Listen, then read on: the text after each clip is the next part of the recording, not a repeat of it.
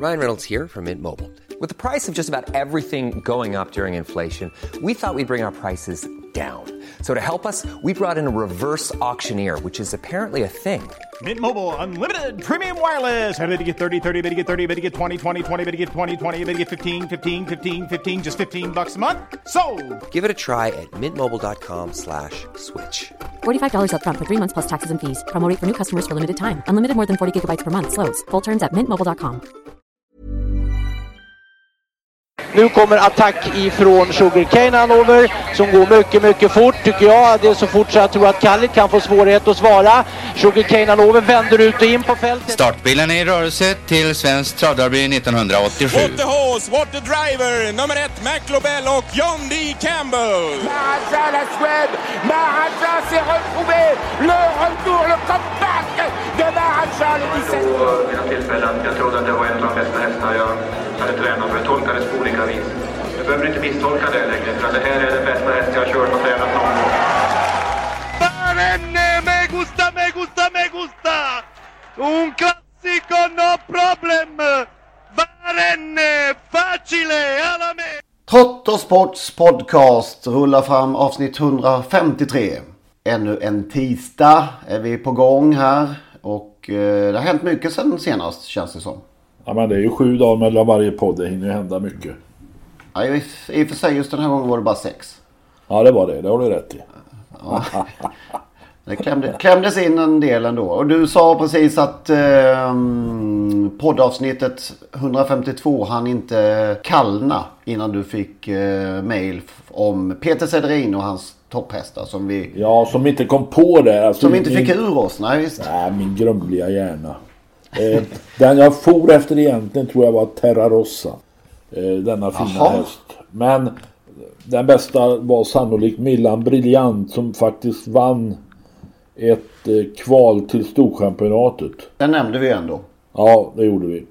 Eh, Men vi var lite osäkra på, på vem som var bäst och det kanske. Sen hade han, fick jag också från Benny Ternemar, Axvallas gamla sportchef, eh, Village Village Surprise också. Men eh, Milan Brilliant fast lugn, men Te- Terra Rossa var den jag gillade mest.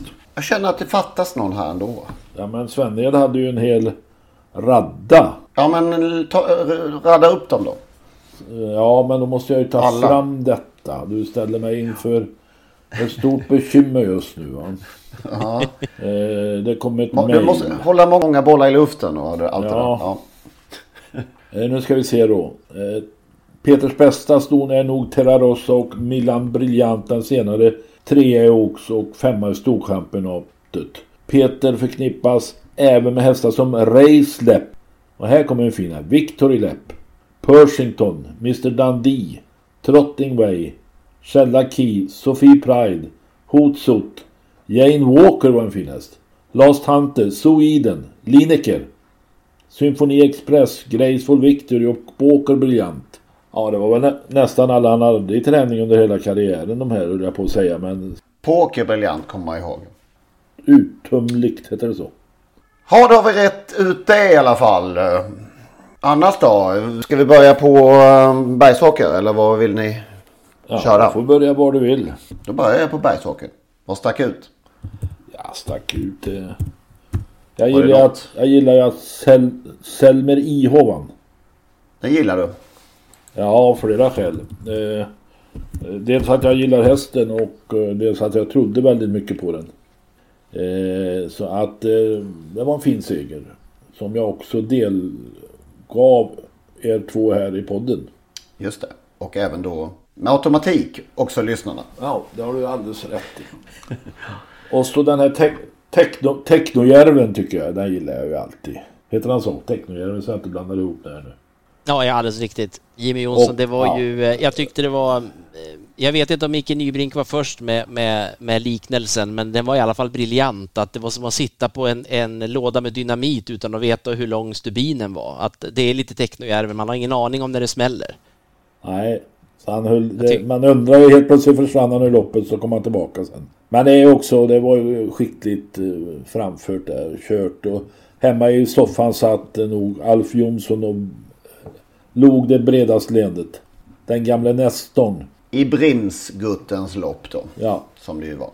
Ja, det är en oerhört mysig häst den där Technojärven och så en sån profil han redan är och kan bli med den här vildhjärnan han har ändå. Han tog ju fatt något oerhört när Jimmy kom ner i ledningen. Det såg ut som han trodde det var upplopp och drog iväg där och sen hoppar han rätt upp och så ställer han sig. Med hjälp av Jimmy då. Så, så Eh, konstigt hur han bara tog ut han i banan. Såg inte ens han galoppera utan han kanske bara ville ta, ta, det lugnt nu kompis. Ja, han kastade sig ju i en väldigt ivrig galopp där. Han blev ju så otroligt pigg när han kom, kom först där. Men eh, han är ju inte så snabb, sa Jimmy. Och det, det kanske hästen inte är, men han, han tar i rätt ordentligt ändå. Tycker han är han är stark. snabb. Ja, jag tycker också det. Men, det var ju en jättekonstig kommentar. Men det, Ja. vi kanske inte fattar någonting. nej, det kanske Nej, är det så. kan- det är många som tycker så. Något mer under veckan då som har eh, stuckit ut i travvärlden? Jag, jag vill nog hänga kvar i lördagen, på lördagen ändå. Det, det får jag säga därför att det jag blev gladast av i soffan, eh, det var On Track Piraten eh, och Hans R. Strömbergs reaktion efteråt att det blir en start till. Och det skulle då bli på Romme. Och det tyckte jag var ju fantastiskt att få se On Track Piraten som ju fortfarande vill kuta. Det är ju ingen tvekan om det. Han lubbar på bra där. Men en start, han kan ju hålla på ett år till. Ja, Kan men, men de, verkar ta, de verkar ta en start i taget nu och, och det var just det där mysiga och det engagemang man såg. Han ville bara lämna kameran hela tiden där och gå iväg Strömberg. Alltså han är... Ja, nej, det var häftigt. Vad kul. Kul att han fortfarande kutar på. Det, så det tyckte jag var roligt med lördag. Ja, och sen hade vi i Frankrike lite eh, smått och gott höll jag på att säga. Basir. Mm, ja. Vann ju trippelt där. Trippelseger heter det så. I Grand National de Trot i finalen. Clean Game. Ja, han var ju en klass för sig. Startade 50 meter efter och vann ganska lätt för stallkamraten Firello och Freja de Pont. Så att eh, den här Clean Guy är nog eh, näst bäst i Frankrike. Efter Facetime Bourbon. Det är så pass? Ja, det tror jag. Jag tror ingen kan, skulle kunna slå honom. Nu, möter han ju sällan om där eftersom han är vallack och får inte vara med i de här riktigt stora loppen då. Eh, Alpina med SM vann ju ett femåringslopp. Det var nog tionde starten på tionde sängen på 12 starter i lördags där. Och det här är ju en häst för Prix d'Amérique antagligen. Fabrice Soloa tränar vilket eh, inte gör mig muntrare. Men det är en riktig skjutare den där avgjordes så lätt i lördags. Där Power, var det i lördags kanske var i söndags. Där Power var med. Och en märklig körning av Berg. Ledningen svarade en stund, släppte och kom till, tog över igen. Och, ja, han fick ju inget snällt lopp men man trodde ändå att Power skulle få det lite lugnt där nu i första starten i Frankrike. Men han blev riktigt jäkla trött. Ja, det såg ut som att Robert trodde att, att Power var bättre än någonsin med tanke på hur han körde. Som att det här kan jag inte förlora. För att det var verkligen fullt på hela tiden. Där oerhört aktiv, huvudet gick bakåt när han låg där som trea. Och, ja, det var konstigt. Jag blir inte klok på de här löpningsförloppen i, i Paris överhuvudtaget. Jag blir väl inte... Alltså loppanalyser kan ju inte existera i detta land. I alla fall inte på Vincennes. Jag vet inte, har ni man, skrivit? eh, Har ni Hur skrivit ska man resonera liksom eh, inför ett... Jag tror, jag, jag tror han, den här är klar alltså. Jag tror han tar spets. Släpper efter 400. Sen får han tredje in. Glider ut i andra spår efter halva loppet. Sen ner i fjärde in. eh, Kanske 1200 kvar. Och får ryggledaren 500 meter senare. Och så loss. Och jag tror han avgör. Tveklöst. Han är klar. Alltså, hur, det, det kan ju inte finnas några, Det kan ju inte existera några badkar. Överhuvudtaget. Men, alltså, man skulle behöva Nybrink där alltså i badkaret på Vincennes. Ja, det, de, de badkaren kan ju inte... Nej, inte, det, ditt, de är eh, inte lilla, tillräckligt refer, stora. ditt eh, lilla kortreferat där kändes nästan som Vikens High Yield där som vann. Det gick till så ja. Ja, invändigt och tog sig ut i något andra spår där och, och avgjorde till en mycket, mycket knapp seger. Men det var ju faktiskt så att han nog bara var tvåa i mål för att Berg, som Berg körde själv, Bergs andra häst, eller första häst, Pinto Bob, kom ju fram från hundrade häst invändigt eller något sånt där och, och, och innerspår hela upploppet ner och kom förbi strax innan mållinjen men galopperade då. Och då blev det istället eh, Vikens High Yield med som Erik Raffä körde. 15 gånger var han underskattad eller? Var, Ja, till och med 18-19 gånger. Ja, han var han var nog underskattad för han gjorde nog ett bra lopp eh, hemma i Sverige innan han gick ner. Eh, Så att eh, Heading Reference hette väl den som var tvåa. Det är väl också någon svensk då. Ja, eh, jag tycker man blir inte spelsugen i... Jag blir inte spelsugen på Vincennes kan jag säga. Å andra sidan blir du inte spelsugen hemma i Sverige heller nu för tiden. Ja, det är sant. Det har du en poäng i faktiskt. Jag skrev ju travfakta i några år, det är länge sedan nu, men i några år skrev jag ju travfakta på Romme och när jag satt och gjorde ibland lopp 9, lopp 10 på någon sån här riktigt trist dag, då brukar jag alltid trösta mig med att jag slapp skriva travfakta på Vincennes i alla fall. För det skulle ju vara fullständig mardröm alltså. Ja. Ja. På söndag är det dags för nästa B-lopp. Ja. Bourbogne. Hur ser det ut på anmälningslistan? Ja, ja Facetime Bourbon ska ju tydligen ut där. Det är hans sista start inför d'Amérique om jag har läst rätt. En och en halv månad innan nästan. Ja. Alltså. Inget preparé i Belgik alltså? Nej, nej, nej. Brukar han kanske inte? Nej, jag tror inte det. Han. Det är inget Nej. för den hästen preparé. Nej. Det är väl... Eh, ja, Davidson DuPont kommer ut i en del. Det Pomerö. Sacco Gio, den här italienaren hos Basir. Eh, Guy de Herrepré, Solois häst, Solas häst, eh, gör comeback om jag förstår det rätt. Finns väl några svenska tränare, Love är anmäld. Kalle Kraun och eh, även Express Jet då som både Kalle Kraun och Express Jet tränas ju av Thomas Malmqvist. Men det blir ju som vanligt då Facetime Bourbon. Och så ser jag då eh, att Billy Billy är med som all, alltså bara är med för att eh, få lopp då på något sätt för att komma in i Prix de. Men tjänar aldrig en krona i, i, i sulke men kommer alltid med på pengar då. Mm. På tal om Thomas Malmqvist. Han sades ju inte ha koll på nya kortisonregler. Och har då åkt dit om man får säga så. I Frankrike. Vad säger vi om det? Bu eller bä? Mänskliga faktorn som det brukar heta. Eller, eller hur ska vi... Jag skulle säga mänskliga faktorn. Det var ju flera tränare som... Sen är det naturligtvis slarvigt och det, han tog ju på sig det att han hade missat. eh, Sen kan man ju undra vad veterinären vet. Eh, Han borde väl också... Man startar så frekvent i Frankrike och inte, och inte håller koll på. Jag vet, lite frågande tycker jag man kan ställa sig. Inte världsrekord i vaksamhet i alla fall. Nej, det kan man inte säga. Nej. Men det är ju rätt mycket pengar. Jag tänker alltså bara sådär. Jag har all respekt. Det är säkert jättemycket att hålla reda på. Men det är mycket pengar att förlora om man har bommat en sån där grej. Så det känns ju som att, att ha koll på vad man, när man ska sluta med vissa salvor och annat. Det kan nog vara rätt bra ändå. Som att det riskerar att bli av med några slantar eller få böter. Det, Det, det borde väl ingå i... Ja, det gör det ju. Men å- man, man säger man åker ner. Man åker ner vad är nummer ett att hålla reda på egentligen? Vad är, vad, är den, vad är den första grejen man ska hålla reda på? Ja, det är ju naturligtvis dopingreglerna. Men nu är han ju... Man får, beträk, man får betrakta honom som att... eh, Som ja, tränare i Frankrike. Han har väl en 30-40 hästar i Frankrike. Så han håller ju till där så att... Man kan inte bara säga när man åker ner bör man ha koll på. Utan han, han tillhör etablissemanget. Men det är klart det är slarvigt, är ingen tvekan. Men som sagt det var ett, ja, några stycken.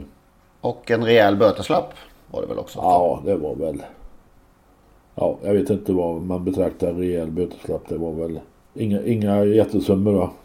Och, men hästar blev väl av med sina prispengar. Just det. Men det var heller inga jättesummor just på de här tror jag. Vi tar lite korta punkter här. ehm, Lite av varje. Ska vi ställa frågor nu igen? Nej, det jag lovar. Men, men lite korta synpunkter kanske. Vi, inga, inga längre diskussioner. Men Big Nine kör ju vidare här. Drygt 4 miljoner nu i omsättning. På en jackpot-omgång. Och eh, Ola Wenström fortsätter att resa världen runt. För att eh, rapportera om ingenting i princip. Ja, du tar i. Du Det tar i, du tar i så in i helvete. E- Europa runt det.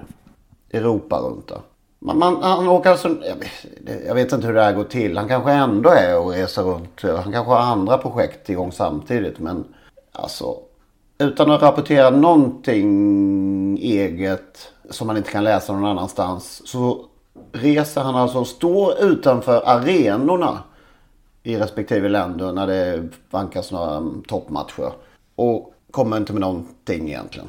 Nej. Det är o- begripligt. Jag Men jag får det, fråga så här då. Hur mycket, hur, vad tror ni omsättningen skulle vara på Big Nine om han inte hade stått i Dortmund? Det är just den frågan jag vill komma till om man säger så. Ja. Nej, det, så det, det, Alltså det- Snackar vi en halv miljon? Kan det vara en miljon? nej, det kan inte vara någonting gissar jag. Men det är, alltså, det är gigantiskt dåligt, eh, dålig upphandling av eh, marknadsföring som ATG har hamnat på här. Dagen efter stod han, i, stod han utanför eh, arenan i Malmö inför guld, guldmatchen där. Nej, det där har de ju totalt missuppfattat ATGs marknadsförare där. Det ger ingenting. Det kostar, men det kostar väldigt mycket pengar. Man måste ju då säga att han har eh, sålt in det skickligt. Ja, det måste man säga. Alltså de, jag, jag, det kan vi ju, det har vi sagt flera gånger förut att de, de trodde att det här skulle bli en ganska stor succé, Big Nine. Eh, Och eh, då tyckte de väl sig ha råd med att, att på något sätt kokettera med honom där, Wenström. Det var ju, det är Så är, det, namn. så är det ju såklart. Det är ju lätt för oss här nu och efteråt. eh, Och, och, men, men det är så torftigt liksom. Det, det, Iskallt. 6 65 000, det var inte så lite pengar. 6 6 500 euro fick Malmqvist böta. Så det var inga småsummor som jag försökte hävda. Nej, jag hade för mig att det var en liten sudd faktiskt. Johan Untersteiner tar över Peter Untersteiners hästar och blir jätte, jättestall då från årsskiftet. Det är väl ingen större skillnad i praktiken förmodligen. Nej, och de ska Eller? ju, de ska ju jobba ihop. Ja, de kör väl på som vanligt fast Johan står för dem. Då är en fråga, tror ni han fortsätter att köra andras hästar även då? Ja, det tror jag när han får möjlighet. När han inte har Är det inte eh, askonstigt? Ja, så är det ju. Kan du, alltså, jag är ledig här på fredag kväll säger en fotbollsspelare så då, då kan jag spela en match med er. Men 250 hästar eller något sånt där såg jag. Ja, det måste det bli då. Ja. Och då blir de eh, Johan naturligtvis störst i Sverige. Överlägset störst. Mm. Och frågan är. Hade Stigom ungefär så? 250 när han var som störst. Nej, det tror jag. Jag tror aldrig han hade över 200 faktiskt. Nej, det, har jag, det tror jag är väldigt svårt att tro. Det kan han inte ha haft. Runt, runt 150 tror jag. Historiskt sett den största tränaren antal, till antalet hästar genom tiderna. Jag tror faktiskt att eh, Peter eh, tidigare var den som hade haft flest. Strax över 200 hade han ett tag tror jag. Ja. Och sen eh, prishöjningar. Solvalla 5 miljoner i Elitloppet. Det var lite vad vi var inne på när lotterian nyligen kördes här. Att, det håller inte att vara näst störst om man ska vara Elitloppet på något vis. Nej, och med tanke på hur det ser ut i Ungasloppen där med premiechansen så har det var väl 4 miljoner i derbyt. Och T1 då ja, precis. Så att eh, då, då var Elitloppet eh, alltså inte ens störst i Sverige eller mest pengar i Sverige. Så att det var, det, det tycker jag på något sätt. Ja det var klokt, eller klokt vet jag inte om det var men det känns, känns bra. Givet på något vis Ja, nästan. ja. Att det var tvunget. Jag noterade att det har 3 miljoner ända sedan 2008. Jag trodde inte det var så länge faktiskt. Tiden, tiden har en förmåga att gå fort. Ja, och sen är det ju väldigt, eh, eller väldigt, men det är klart. Det är inte den här fallande skalan bakom heller tror jag nu. Utan det är 2,5 till tvåan och det är 1250 till trean och så vidare. Så att, och alla får pengar tror jag till och med i finalen. 1500 de fyra sista då. 1500. de, de får nog lite mer. Men däremot så går ju en stor del av nästa års prishöjning till just de omdiskuterade, jag vet inte vad man kallar dem, matlapparna är väl fel. Garantipengar är det ju faktiskt. Alla startande får, eh, har ju fått 500 kronor i år. Jag vet inte hur länge det har hållit på. Ja, det är några år och det, det var väl ett sätt att eh, blidka skattemyndigheterna när det gäller momsavdragen. Ja, enligt vad jag förstår så är det här ytterligare ett steg i det. Eller det är en, en av anledningarna till att och ö- öka då till 1500 som nu är garantisumman. Till och med breddloppen. Ja just det, det delar hästägarna till två, två delar. De, som, som är allt i samhället. De fattiga mot de rika. Stad mot land. Säg vad ni vill. Men det är klart att eh, de här stora hästägarna är aningen upprörda över att man inte satsar på toppen på första prisen och sådär. Medan då de som är lite mindre bemedlade tycker det är bra att de kan få en garantipeng där när de ger sig ut på hala vintervägar för att starta i något lopp någonstans. Mm, ja, det är som du säger. Det är alltid en diskussion om vad som är rätt och fel. Eh, men 33 miljoner av runt 55 om jag förstått det rätt går ju till den, just den satsningen då. Eh, man får 2 500 i garanti på i V75 och V86-loppen. Ja, nej, vi får inte glömma Elitkampen. De höjs, höjer ju priset där från 500 000 till en miljon till vinnaren. Ja, just det. Och det är ju då det är den, icke att förakta faktiskt. Det är ju då den eh, procentuellt högsta eh, höjningen om man då jämför med Elitloppet från 3 till 5 miljoner. Men vad tycker ni? Är det, är det rätt det här med, med, med breddsatsningen om vi får kalla det för den? Ja, det har jag ingen synpunkt på faktiskt. Det, jag har läst eh, för och emot och det finns säkert skäl för och det finns de som är emot eller själv. Ja, ärligt talat så bryr jag mig inte. Jag tycker det är svårt och det är den enda åsikt jag kan ha utan att ha siffror på det, det är väl att konstatera att, att det är ju inte fullt i lopp där vi har 300 000 i första pris, men däremot är det fullt i breddloppen så att det verkar ju inte vara... Jag vet inte, måste man höja priset från 300 000 till 400 000 för att det ska bli fullt i sådana lopp? Det, jag tror inte att det problemet är ju inte prispengarna riktigt heller i de fallen verkar det. finns ju inte hästar. Och frågan är ju var man börjar för att få fler hästar då. Är det i bredden eller i toppen vi behöver satsa pengar då? Jag tror ju de här 200-300 000 de här loppen nu som vi ser är tunt i höst och vinter men det hade inte blivit om det var 250 istället för 200 så hade det inte blivit fler hästar. Nej, det har man ju väldigt svårt att tro. Det är ju inte kö in i loppen så att det är ju det är ju en, en ehm, ja, det är en an, delvis annan fråga kanske. Men det är ändå märkligt tycker jag att det diskuteras ändå förhållandevis lite om att det är så få hästar i, i, i många lopp. Om vi nu ska bli upprörda då, eller vissa blir upprörda över att man inte satsar på, på eliten tillräckligt mycket då. Hur såg ni på eh, Stephanie Werdes eh, drivning på Jägersro som hon fick två månaders avstängning för? Och hon blev väl avstängd på stående fot också på, på tisdagskvällen. Har ni sett loppet? Mm. Man blir inte, jag blir inte riktigt klok på det. Nej, man ska vara... det är väl ingen annan som blir heller. Hon tar ju båda tömmarna i en hand. Ja. Det gör hon ju. Men jag tycker att han bara slår en gång på skalmen. Ja. Men det är ju en handsdrivning oavsett vad man träffar. Mm. Alltså vi är ju lite där vi pratade om förut tror att, det, att man sväljer, hur är man nu då? Sväljer elefanter och jagar, jagar mygg och sväljer elefanter. Blev det rätt? Blev det rätt? Jag tror det. Ja, och det blir ju lätt så här nu att, att, att eh, Svensk Travsport vill till varje pris undvika att hamna i fler PR-mässigt dåliga rubriker när stortränare blir anmälda av veterinärer och länsstyrelser till polis och åklagare. Och då, då, då, då, då blir det nog så här att man tar till storsläggan. Man slår lite för hårt. Domarna, inte kuskarna. Domarna slår lite för hårt.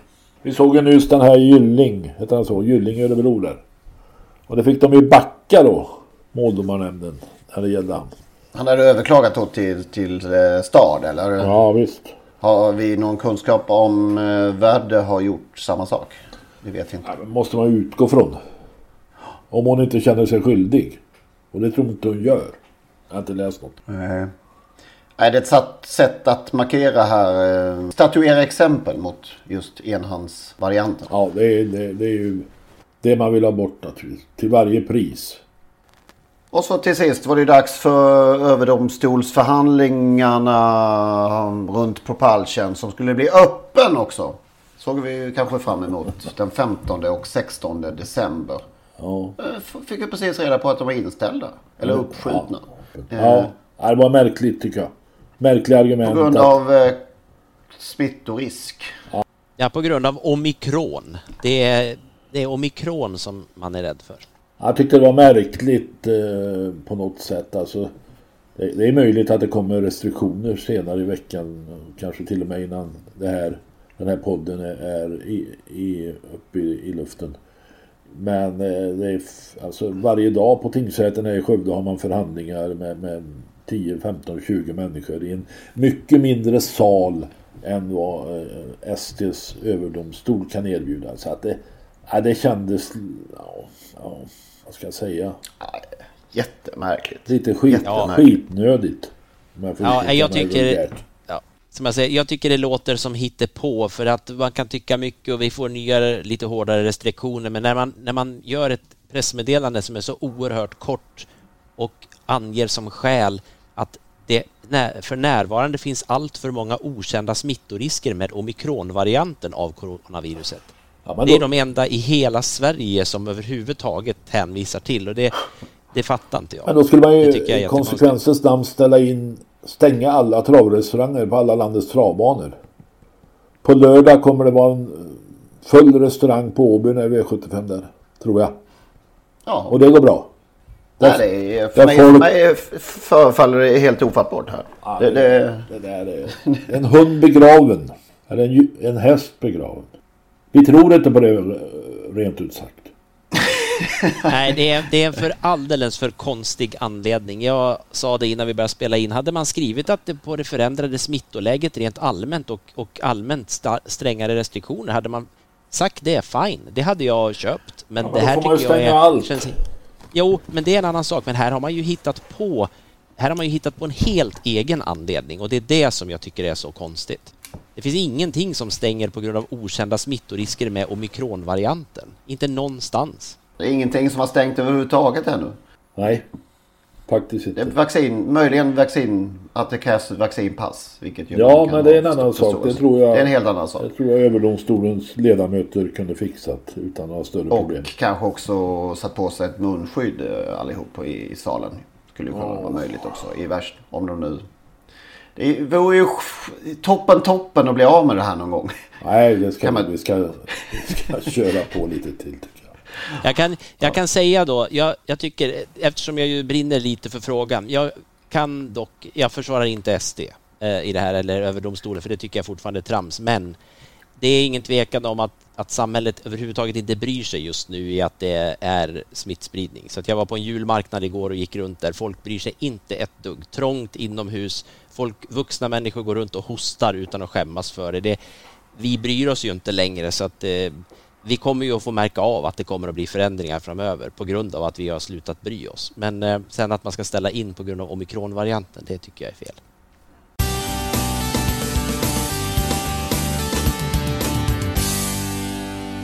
Nu ska det bli så mycket nostalgi så att det börjar nästan drypa och forsa och rinna ur kroppen faktiskt. Det är ett av de här, i alla fall för oss som kanade in i 80-talstravet. Ett eh, namn som ju, ja, jag vet inte. Det händer mycket i alla fall i kroppen när man hör det. Vi kan väl börja lyssna på det här loppet. Kommer iväg snabb start från två Mark, tre Gissle längre ut galopperar fem Cholikito. Det är två Mark till ledningen med sex Gissle på utsidan. I rygg på ledaren följer ett Dimma. Ut i tredje spår sen eh, fyra Dorians Music. Galopp nu också för tio dansörer till. Långt ut i spåren har vi även sju Snackbar. Det är två mark i ledningen får nu fyra Dorians Music på utsidan. De är på väg upp mot 500 meter. Två mark öppnar dessa efter en 12. Så pressar sig sju Snackbar till ledningen. Snackbar som är på väg upp mot eh, varvning och öppnar eh, första tusen efter eh, en 13. Sju Snackbar av fyra Dorians Music, två mark. Sedan har vi andra spår tre Gissle som följs av sex Egobil. Invändigt ett Dimma. I andra spår sen 11 Speedo Magnus som har tio dansörer till på insidan. Dryga 700 meter från mål så har vi sju snackbar först får på utsidan 12 Diamant Gel. I rygg på snackbar följer eh, fyra Dorians Music. I andra spår sen tre Gissle, ut i tredje spår fem Cholikito. Invändigt är eh, två Mark. Ut i tredje spår sen 11 Speedy Magnus. Men mitt i sista sväng har vi en längsledning, eh, sju snackbar. Som andra häst 12 Diamantgel. Kraftig attack ut i spåren ifrån 11 Speedy Magnus. Svänger in på upploppet, det är 7 snackbar i ledningen. Långt ut i banan kommer mycket hastigt 11 Speedy Magnus. Det är 7 snackbar, långt ut i banan attackerar hastigt 11 Speedy Magnus. Det är 7 snackbar, 11 Speedy Magnus sida vid sida in mot mål.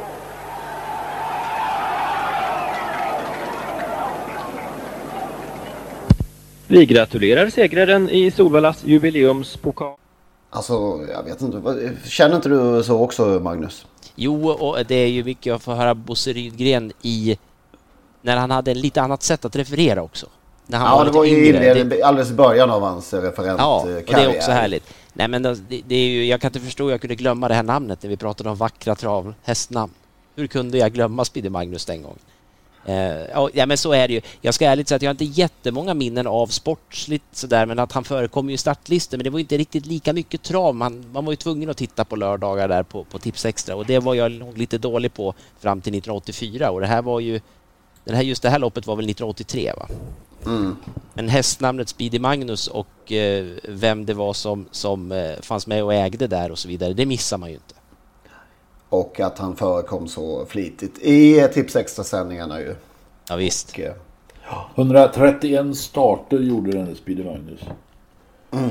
Jubileumspokalen hörde vi där SM. SM-vinnare 1980, Årjäng Stora 83. Eh, han var ju uppfödd, och ägd och tränad av Arne Bernhardsson. Som hade inhandlat stoet Notta och det var en fullträff. För de fick inte bara Speedy Magnus. Eh, och Arne Bernhardsson hade eh, någon charkuteributik i, Saluhallen i Göteborg.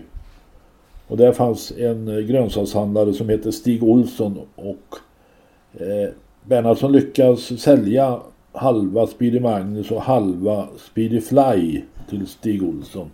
Som övertalade sin gode vän Torbjörn Nilsson.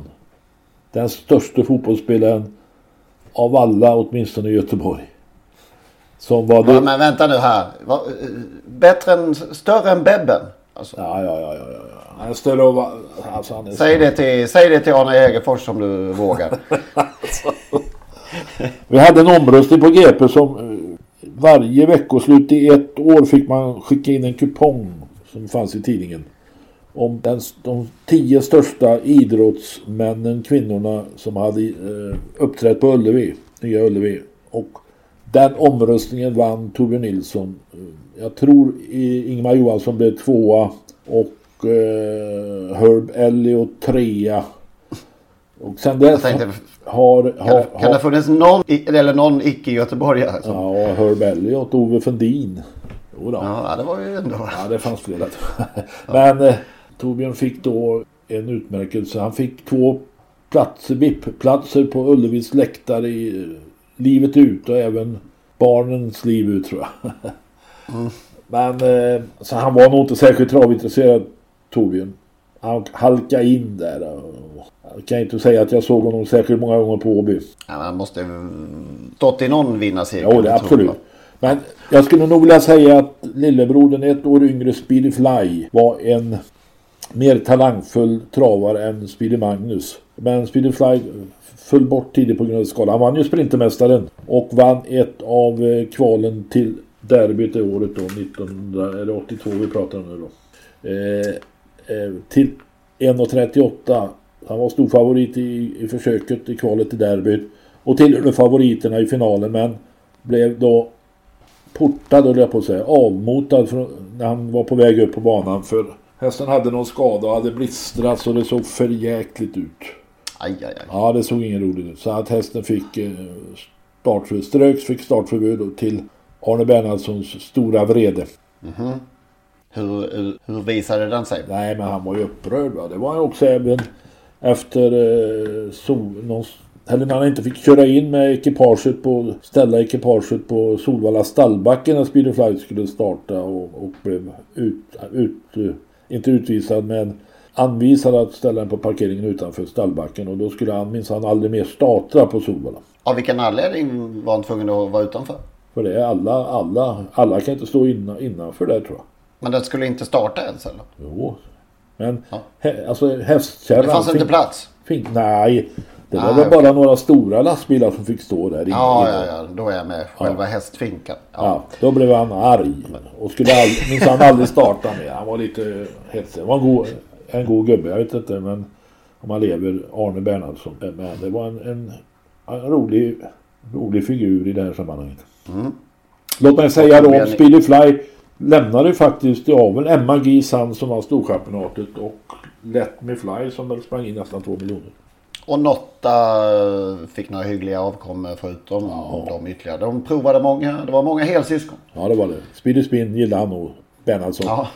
Notta uppfödd av Veda, eh, stuteri Kurre Mattsson alltså med adept som, ja, morfar. Eller pappa till något där kanske. Morfar, ja. Något sånt. Man är ju lite orolig för att ungdomen eh, idag inte har koll på Torbjörn Nilsson. Jag tycker vi lyssnar lite här på, på ett minnesvärt eh, ögonblick. Det är Tord Holmgren som kan få ett gult kort där om det vill sig illa. Men domaren eh, är inte snabb med korten och jag tycker också att han eh, gott kan ta det lugnt där. Och nu kommer en kontring med Torbjörn Nilsson i huvudrollen. Torbjörn Nilsson driver in i straffområdet och skjuter. I mål! I mål! Mycket det bra. visste du. Ja, det kändes lång väg. Torbjörn Nilsson, 2-0 till Göteborg. Och nu frågar vi om locket ligger på eller ej. Det här, vi ser mycket bekymrade Hamburgspelare som vi förstår. Det är faktiskt med en del tur som Torbjörn får den bollen. Jag tror det är Jerry Karlsson som på mittfältet bryter och så ser vi Torbjörn här gå ända upp i deras straffområde och lugnt rulla in bollen i helt rätt hörn, det vill säga det bortre. Mycket tjusigt och ett litet bevis på Torbjörns storhet. Jag vet inte hur bra koll eh, eller hur stor plats Torbjörn Nilsson tar i den svenska fotbollshistorien i, av, av liksom jag vet inte, jag har ingen riktig känsla liksom. För han var ju som du säger makalöst bra. Alltså om, om Torbjörn Nilsson hade haft samma självförtroende som en viss Zlatan Ibrahimovic. Där hade Torbjörn Nilsson varit bäst i världen. Vi kan väl lyssna här då på ja. ett, ett eh, bevis på att han inte hade just det. Det här är idag bilden av proffsspelaren Torbjörn Nilsson. Han följer PSV Eindhovens matcher i den holländska ligan från avbytarbänken. Svensk fotbolls stora genombrottsman i fjol, spelaren med den individuella, bolltekniska läggningen som snabbt blev älskad, inte bara av Göteborgspubliken på Nya Ullevi, utan också genom flera fina landslagsframträdanden av hela den svenska fotbollspubliken.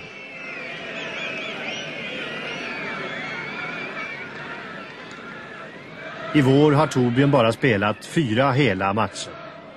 Jag känner själv att jag inte behärskar att spela just nu. Jag är rädd för bollen. Så jag är lycklig att sitta på bänken. Är det självförtroende som saknas då? Ja, det försvinner. eh, Så fort man inte är vän med bollen så försvinner självförtroendet. Du blir rädd och nervös Ja. inför matcherna.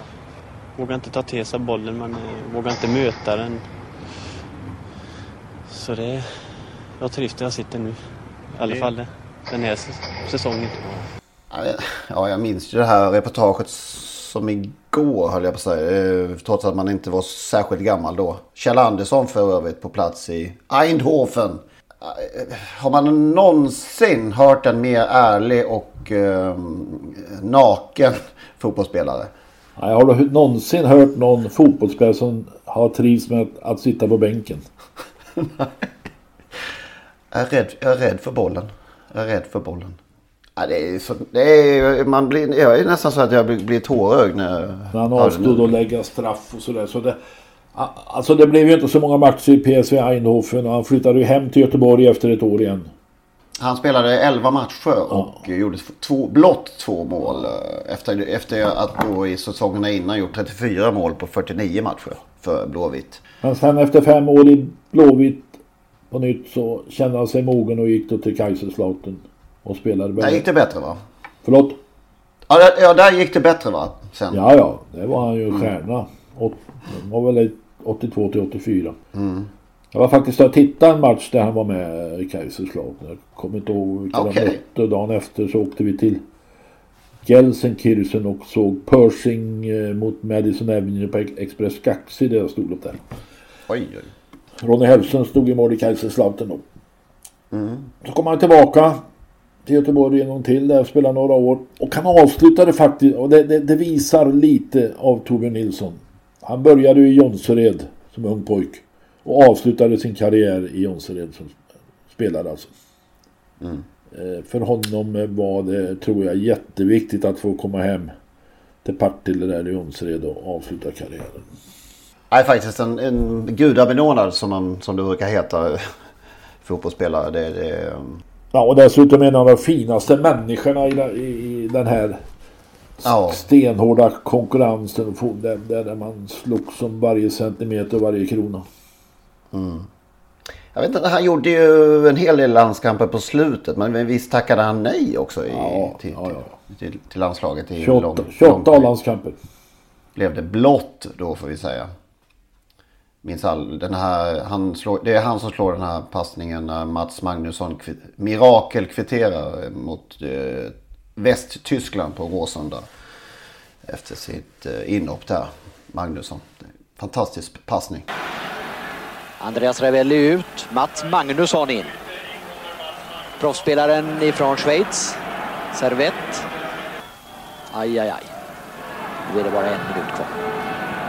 Jag håller med dig nu Ove att de där två målen i första halvlek som föreföll ganska onödiga bägge två känns oerhört tunga nu.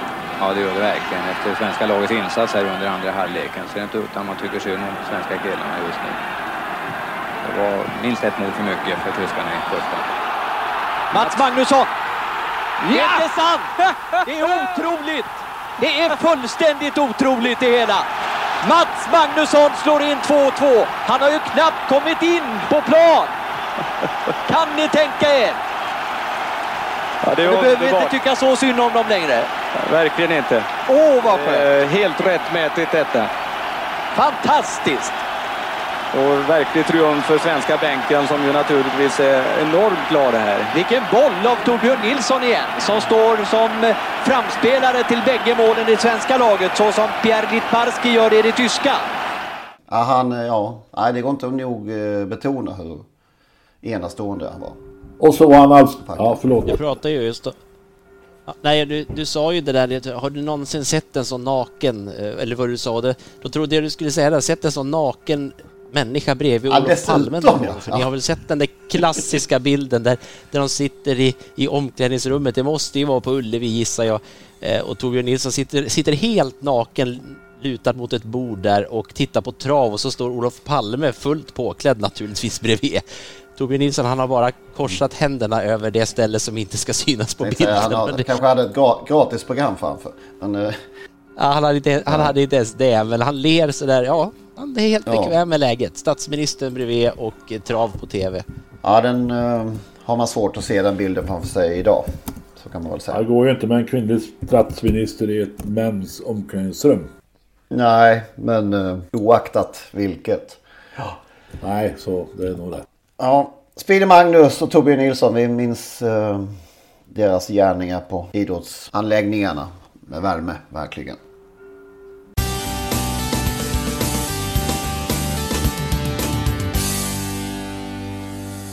Och vi ska ju till eh, Speedy Magnus hemmabana. Om vi inte sa det så var det ju Olle Goop väl som tränade hela karriären. Nej, han, det gjorde Arne Bernhardsson. Det gjorde Arne Bernhardsson Ja, såklart. ja, men Goop körde. Man körde Olle Goop. Ja. Så var det. Och vi ska ju till Olle Goops gamla hemmabana på lördag. Ja. Och eh, bland annat då köra Legolas minne. Det var därför vi också uppmärksammade Speedy Magnus här som en Åbyhäst helt enkelt. Ehm, är ni laddade för Åbyfältet? Ja, jätteladdade. det var ganska... Ja, jag vet inte om man får säga så. Men ganska tunna lopp. Mhm. Inget som går igång på. Ja, det är ju silverdivisionen som är, ett, som är ett lopp som ändå känns lite kul när Carly Smart kommer ut igen och eh, möter Emoji där. Eh, det tycker jag är liksom ändå lite... Carly Smart som vi inte riktigt vet vad vi har efter, efter comebacken senast och sen Emoji då som ju Fleming spände bågen så oerhört högt med mot, mot Admiral As där. Ehm, och 2,6 dessutom. Vad hände från innespår här för Carly Smart? Ja, det är en bra, bra fråga som man brukar säga. Det är ju, det är open stretch va? Eh, men jag tror inte att det var det spåret som Adrian ville ha.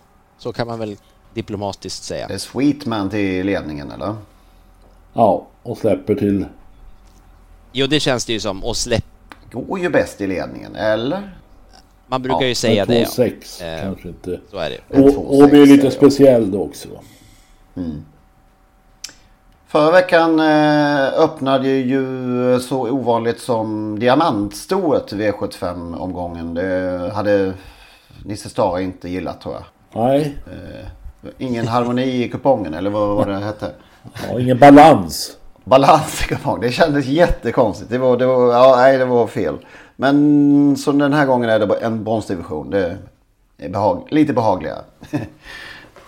Ja, diamantstoet avslutar den här veckan istället. De testar lite nu på Ja, det har du ATG rätt här och placerar Jag tänkte det var ju det är två diamantstorlopp då. För jag såg i fjärde, fjärde avdelningen. eh, Men det är alltså två. Ja, det är inte, inte helt ovanligt. Ja, det är i alla fall, samma ehm, omgång. det här är mer en, ehm, inte stor elit kanske, men det är ju bilstart där i, i, i sista. Eh, lika start. Mm. Precis. Ja. Har du några klaringar, Magnus? Nej, det, det har jag inte. Jag litar numera alltid på Lennart. Han får dra det här V75-tåget och så, så smyger jag mig i rygg och hoppas kunna avsluta starkt. Ja, Jag tror eh, i den... Diamantstot pratar vi om där, fjärde avdelningen. Att eh, Ulf Stenströmets nyförvärv Hatusa. Nyförvärv, han har gjort en, hon har gjort en start för, för eh, Stenströmer och vann då på en ganska bra tid. Och är förmodligen lite bättre nu och det är bara tre hästar på start. Håller förmodligen ledningen. Samtidigt så vet man ju eh, av erfarenhet att Stenströmer inte gillar att köra hästar med skor. Och nu tvingas han göra det och det är möjligt att eh, hoppas jag att det håller hela vägen. Brukar ju inte vara till någon fördel det där med att det är få hästar på, Nej, på det, start. nej, i det kan man ju säga. De kommer väl på dem ganska... Framförallt de från springspår där bakom. Då. Ja. Mm, då- dånar över direkt. Det kan, Men eh, ja, det, det kan du ha rätt. Alltså sen eh, kom jag med en idiotisk idé för några veckor sedan om Valokaja Hindö som var helt usel då. Eller helt chanslös. Eh, men eh, jag tycker att den var riktigt bra senast när den vann i Eskilstuna och plockade ner Heavy Sand utvändigt. Eh, utan några större bekymmer. Den kan vara på gång den där alltså. Valokaja Hindö och den kommer bli helt bortglömd. Avdelning 6, nummer 9, Valokaja Hindö, Stefan Persson kör det är väl återigen lite sådär eh, tveksam form på resten av gänget. Så Ja, det är det ju va. Det är ju... inga, inga Ja, det, det, formkort. alltså, Blede Gerrit så kommer väl med fem raka och sånt där. Ja, det är den då. Men det är Ja, det läget är där. Men det är norsk, klart. norsk konkurrens det är ju och elfte spår. Mm. Eh, Nej, det, det är ju rätt så. Gareth Boko kommer bli uppstimmad som vanligt. eh, Men det var ju länge sedan han vann något lopp va? Det var väl i Gävle i maj eller sånt där. Det är helt riktigt. Han vann ju Kalmar först och sen Gävle och sen har det inte gått eh, efter det. Så ja. Jag ska i alla fall ta med Valokaja Hindö. Mm. Och eh, är man någorlunda klok vid det här laget så eh, gör man ju som du säger. Hur då? Ja, efter din, dina succéer. Nej, nej, nej, du menar så. Nej. Nej, Ja. nej, nej, det är ju, den får skylla sig själv då. ja, jag menar det. ja. Och så tackar vi som vanligt de som har, eller de som prenumererar på Patreon. Det är vi jättetacksamma för. Och vill fler, det är jätteviktigt för oss. om vi ska kunna fortsätta och eh, ge ut denna podd. Så går man in på trottosport.nu och fliken stötta Trottosport har ju, ja det finns en film där som Magnus har gjort bland annat och, och hur det går till och ett swishnummer också som man kan stötta oss med. Så är vi jättetacksamma. Ut i kylan igen. Jävlar vad kallt det var i Stockholm idag.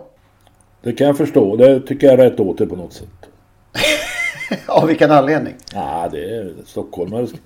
Ses så hela Stockholm står i lågor sjöng alltid Peter Hjörne på våra julfester. Okej.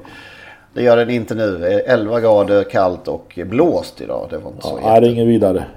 Nej, det är inte. Är, vet du om det är jul, den här julmarknaden på Skansen, kör de den trots att omikron eh, Jag kan garantera att farlig den, som... eh, att den körs. Eh, Trots omikron. Ja, ja, lite, lite sugen Ja. på den. Det känns som det är 20 år sedan jag var på den. Men...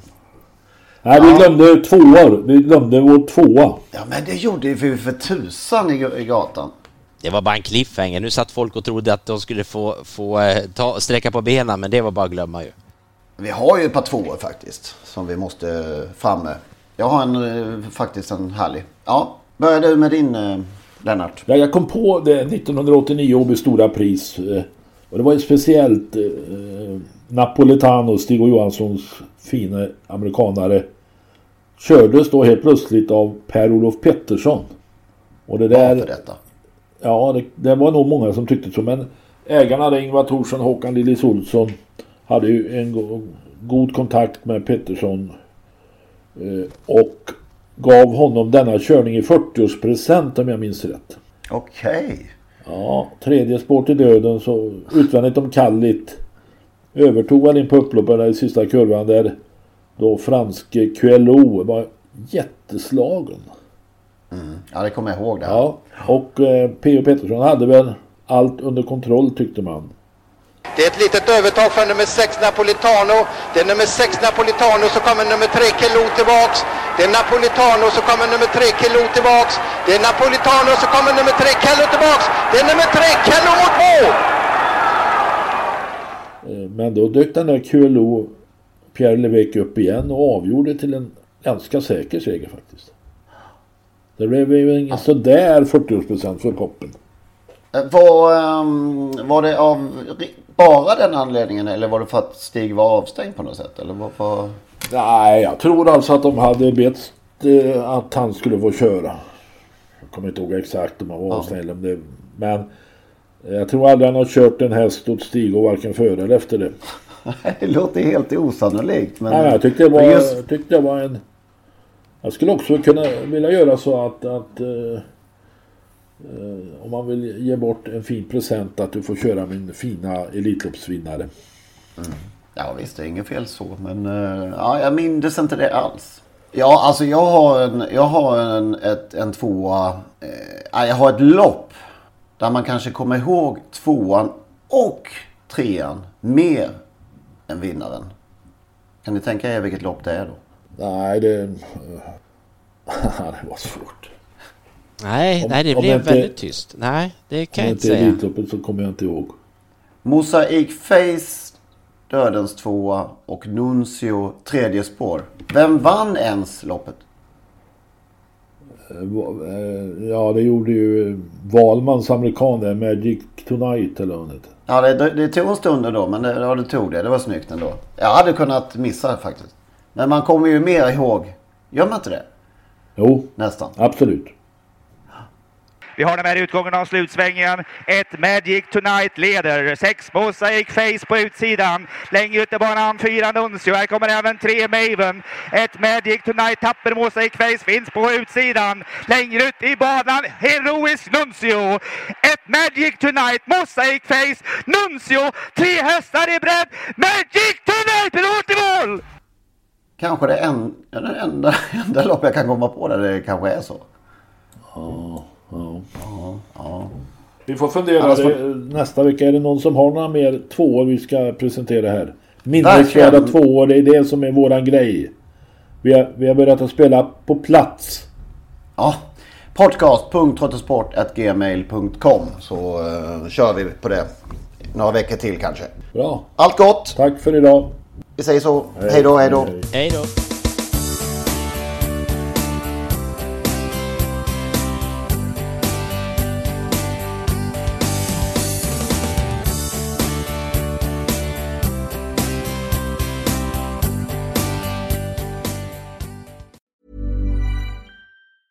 Planning for your next trip? Elevate your travel style with Quince. Quince has all the jet setting essentials you'll want for your next getaway, like European linen, premium luggage options, buttery soft Italian leather bags, and so much more. And it's all priced at 50 to 80% less than similar brands. Plus, Quince only works with factories that use safe and ethical manufacturing practices. Pack your bags with high-quality essentials you'll be wearing for vacations to come with Quince. Go to quince.com slash trip for free shipping and 365-day returns.